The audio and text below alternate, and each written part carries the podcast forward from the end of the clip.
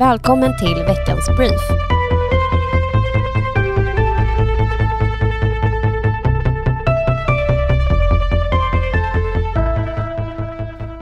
Fredagen den 21 januari är det minnesdag för Fadime Shahindal som för 20 år sedan blev mördad av sin pappa i ett hedersmord.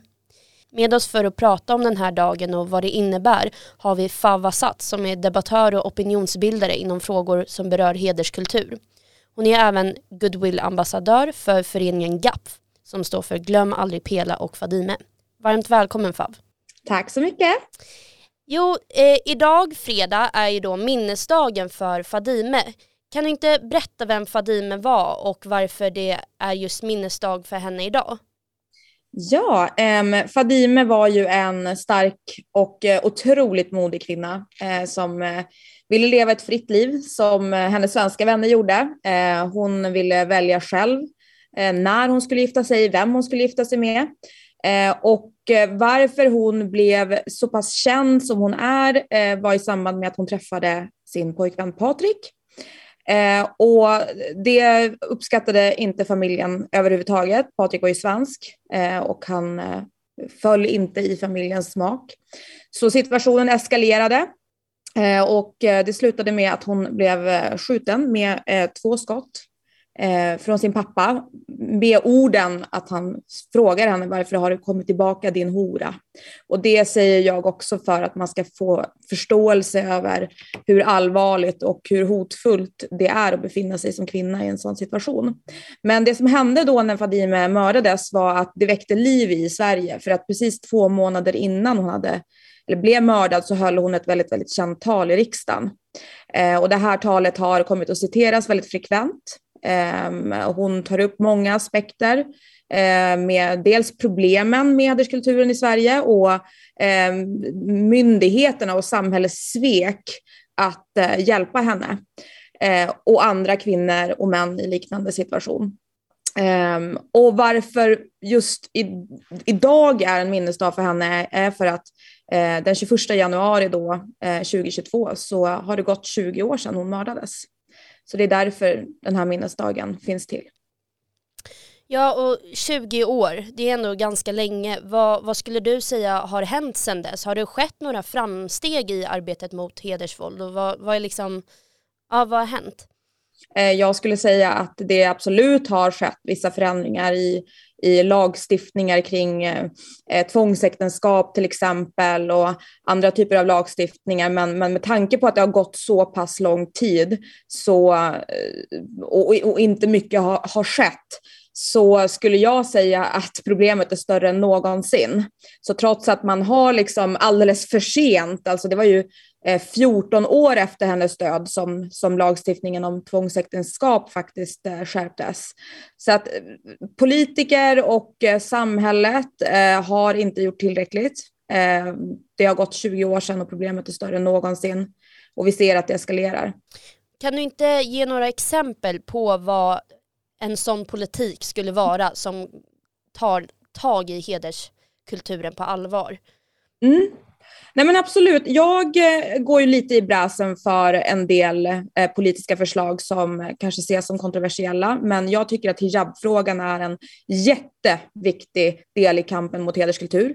Den upprätthåller ju hederskulturella normer eh, som könssegregering, förtryckande manlig ordning, kyskhet, renlighet. Så egentligen skulle jag säga att hijab är eh, ett, ett, ett tecken på Eh, ofta hederskultur. Så att oavsett om den är påtvingad eller inte så står den för ett sexuellt och religiöst förtryck.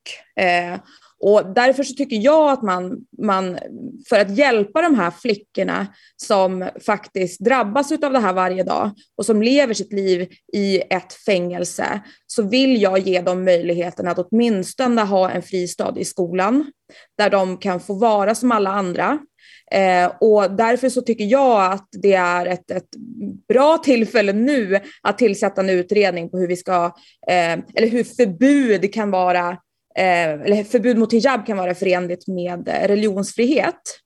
Eh, och det är ju en, en, en ganska jobbig fråga att diskutera ofta i och med att det är just eh, religionsfriheten som man kommer i kontakt med. Eh, så att eh, den frågan upplever jag behöver diskuteras mer sakligt. Man behöver ta fram mer perspektiv, mer infallsvinklar och diskutera den helt enkelt eh, ur olika perspektiv. Um, Sen så tycker jag också att eh, eh, vi bör, om vi ändå fortsätter på just hijabfrågan, så, så anser jag ju att vi också bör titta på ett, eh, en utredning kring förbud på hijab, burka och niqab för anställda på myndigheter och statliga institutioner.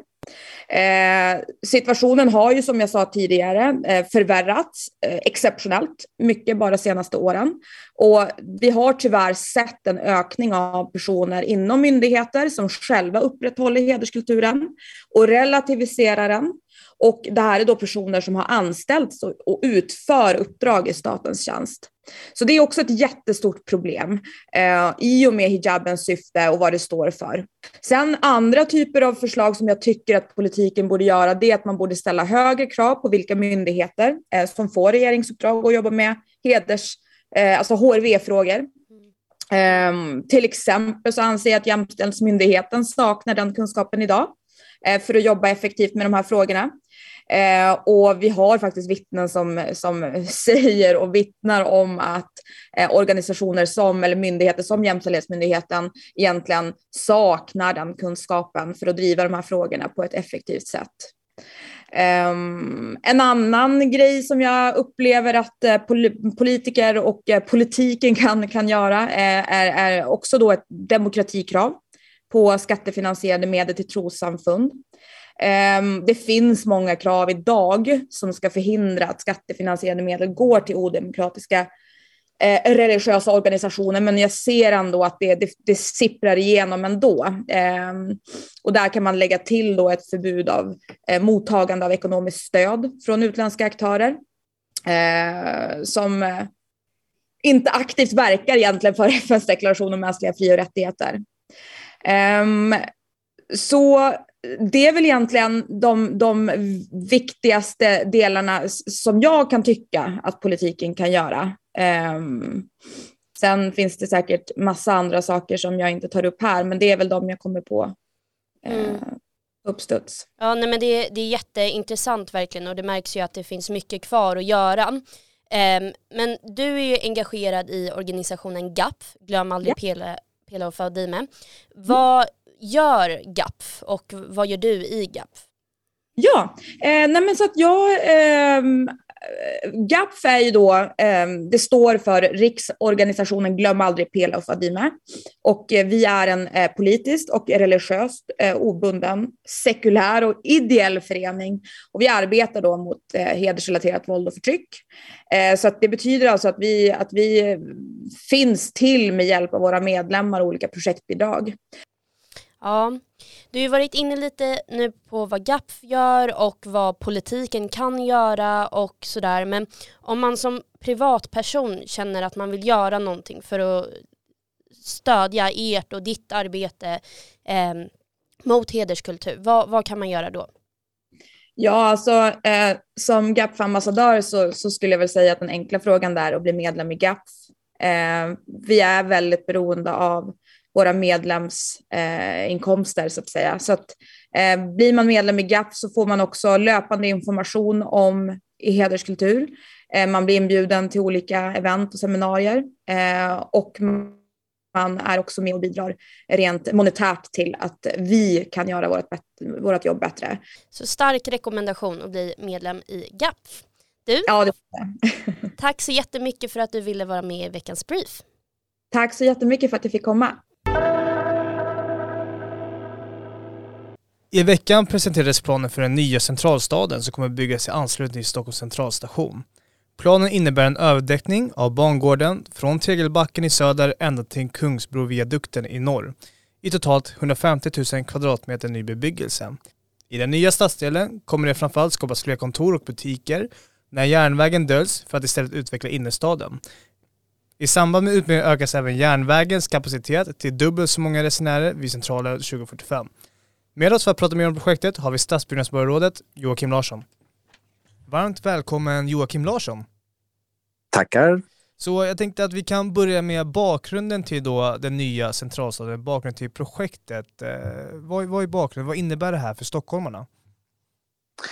Ja, för det första är det ju så att det här eh, spårområdet kring Centralen har ju det funnits ganska många visioner kring och idéer kring under väldigt många år. Hur man ska få den här barriären som då banvallar och spårområdet faktiskt innebär i, i, mitt i, i staden. Och eh, det är väl egentligen först nu som man har fått fram ett realistiskt förslag i praktiken därför att eh, fastighetsägaren här som är Järnhusen Eh, de eh, har eh, tillsammans med eh, Trafikverket jobbat ganska intensivt med att få fram ett genomförbart förslag som går att kombinera stadsutveckling på platsen med eh, allt det som krävs av centralstationen. Det är ju en enorm logistikpunkt, knutpunkt för all tågtrafik. 80 procent av alla avgångar och mottagande av passagerare sker liksom på den här platsen. Uh, och då pratar vi om 80 procent av hela Sveriges all, mm. alla passagerare som åker uh, då har antingen sin början eller sin, sitt slut just här i, i uh, Stockholms central. Så det är en enorm knutpunkt som har koppling till Citybana, som har koppling till tunnelbanan och, och Eh, all den kollektivtrafik som finns. Så att detta ska då kunna genomföras när allt detta eh, fungerar och när tåg och annat ändå ska kunna passera. Så det är en stor, ett jätteprojekt. Det är kanske ett av de största i modern historia i, Stockholms eh, mm. ja, och inre delar. Och eh, syftet är att läka ihop någonting som har uppfattats som ett sår i stadsbilden. Mm tänker på det här med att det kommer bli en mer levande stadsmiljö. Vad kan det ge för effekt kring eh, centralstationsområdet? Ja, idag är det ju mycket betong och trafikspaghetti och prång. Uh, ganska uh, tråkig plats att röra sig i för en, en flanör eller en, en, som går till sin arbetsplats eller till sin bostad. Alltså det här är en osäker plats, en otrygg plats upplever många. Och då är det klart att eh, en, en stadsutveckling här eh, kan ju innebära levande bottenvåningar, eh, belysning, trygghet, trevligare gaturum. Och det är klart att det bidrar till att hela det här området kring Centralen kommer att upplevas betydligt bättre än idag. Vad skulle du vilja säga till de människorna som menar på att man bygger fult och inte tar hänsyn till Stockholms unika arkitektur? Ja, för det första kan vi titta på hur det ser ut idag. Det är en eh, barriär ett eh, sår i, i Stockholms centrala delar. Eh, när den gamla stationsbyggnaden invigdes 1871 så hade man nog inte tänkt sig att man skulle på ena sidan av stationsbyggnaden få en trafikspaghetti i form av Centralbrons avslut och Tegelbackens förändring eh, och på andra sidan en bro som går nästan, eller faktiskt till och med in i byggnaden. Eh, här I det här förslaget har man tagit utgångspunkt i att förstärka den gamla byggnaden. Eh, se till att man har möjlighet också att frigöra den gamla stationsbyggnaden från den här bron eh, och istället utveckla det, den här vackra gamla byggnaden. Och I kombination då med eh, någonting nytt eh, där man då eh, tar utgångspunkt i, i den gamla stenstaden så tror jag man kan komma väldigt långt. Sen är det lite tidigt att yttra sig precis hur eh, det kommer se ut vad gäller fasadval och annat. Där finns ju mycket man kan göra. Mm. Joakim Larsson, stort tack för att du kom till veckans brief. Tack. Regeringen har hamnat lite i ett blåsväder i veckan efter att Coronakommissionen har blivit nekade att få tillgång till viktig information som är av värde för deras arbete. Det som diskuteras mest är de 149 möten som gruppen för strategisk samordning, GSS, höll under 2020. Sammanslutningen, där statssekreterare från olika departement deltar, var och är central i regeringens arbete med pandemin. Men när Coronakommissionen ville se dagordningar, mötesprotokoll och mötesanteckningar från mötena fick man som svar att några sådana inte finns. Moderaternas socialpolitiska talesperson Camilla Waltersson Grönvall riktar skarp kritik. Det finns ingen annan tolkning efter att ha lyssnat på Lena Hallengren än att Socialdemokraterna hårdnackat fortsätter att mörka. Vi har en regering som själv tillsatt en kommission för att granska hanteringen som nu gör allt vad de kan för att se till att de inte får fram relevant information, säger hon i en artikel från Svenska Dagbladet. Veckans Brief är tillbaka varje fredag klockan 07.00 för att ge dig veckans toppnyheter.